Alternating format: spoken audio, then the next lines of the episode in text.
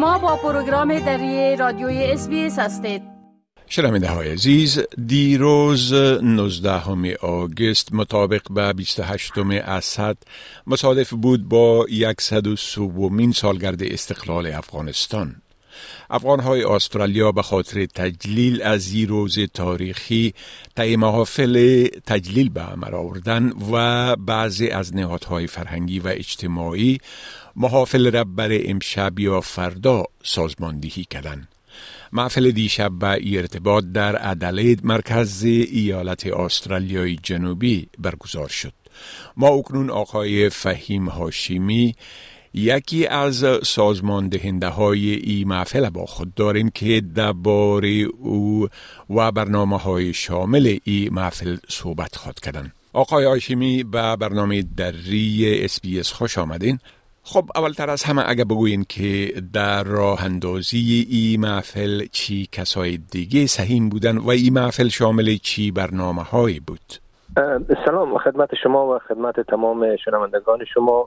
محفل دیروز در استرالیا جنوبی البته در محفلی که ما دو هم داشتیم از طرف شاروال و یا مشاهدار ایالت استرالیا جنوبی برگزار گردیده بود و یا لورد مایر برگزار گردیده بود و ما در اونجا به عنوان یکی از برگزار کننده ها و کسی که خب نقش زیر داشتیم که هموطنان خود خبر بکنیم در اون محفل در اون سهم داشتیم.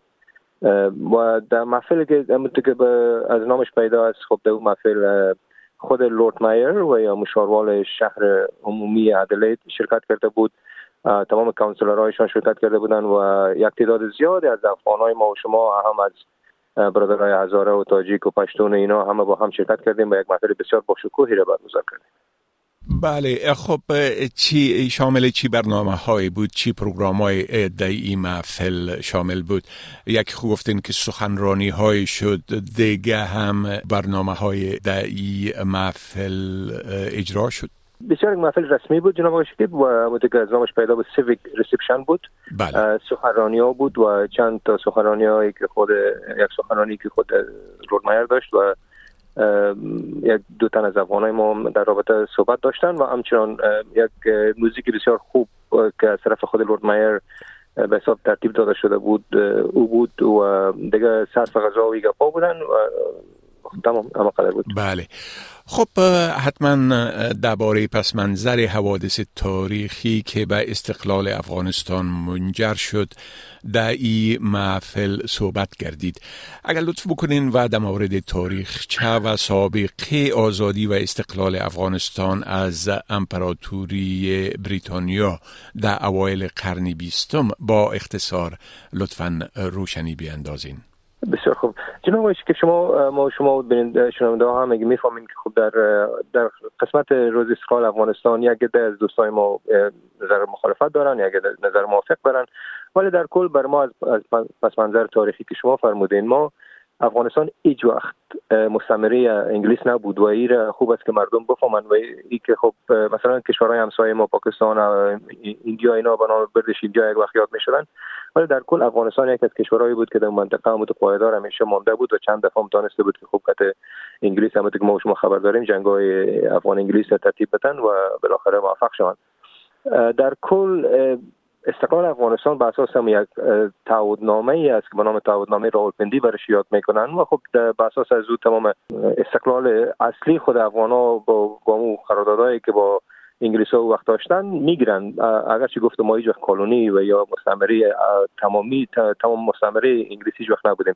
برای نظر بسیار مهم بود که همین کسایی که در محافل به خصوص جوانای ما میاین از این از این پس منظر کمک که با خبر شوند و بالاخره بفهمن که خب اصل موضوع چی بود. چون وقتی که ما میگیم استقلال میگرده به مو موضوع پاکستان یا اندیا اینا که خب از کالونی انگلیس بله.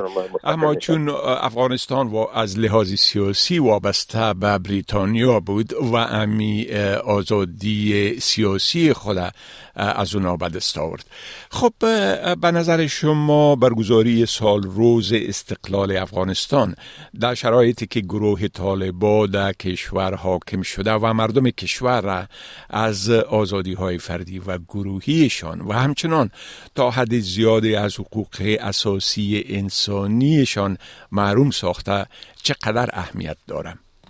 یکی از موضوعاتی که خب زیاد سرش بار ما سرش تاکید داشتم این بود که بعد از این موضوعاتی که در افغانستان شد و خب طالبان آمدن در افغانستان افغانستان گرفتن خوب است که ما این مراسم ملی خود زیادتر تجلیل بکنیم و بالاخره سرش ارزش قائل شیم و الا خب های دیگه باز میاد جای از اینا رو می‌گیره.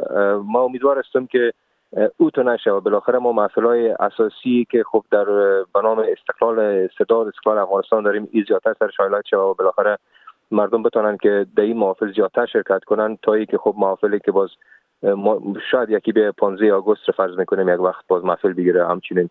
ولی در کل ما این بر ما بسیار ارزش داشت و فکر می‌کنم که ارزش داره که خب همچنین محافل زیادتر ایلات شه نسبت به محافلی که در آینده شاید شود بله خب آقای هاشمی از شما تشکر می‌کنم که دعوت ما را برای صحبت امروز پذیرفتین و برایتان وقت خوش و موفقیت می‌خوایم یک جان تشکر از شما سلامت باشین می خواهید این گونه گزارش ها را بیشتر بشنوید؟ با این گزارشات از طریق Apple Podcast، Google Podcast، Spotify و یا هر جایی که پادکاستتان را می گیرید گوش دهید.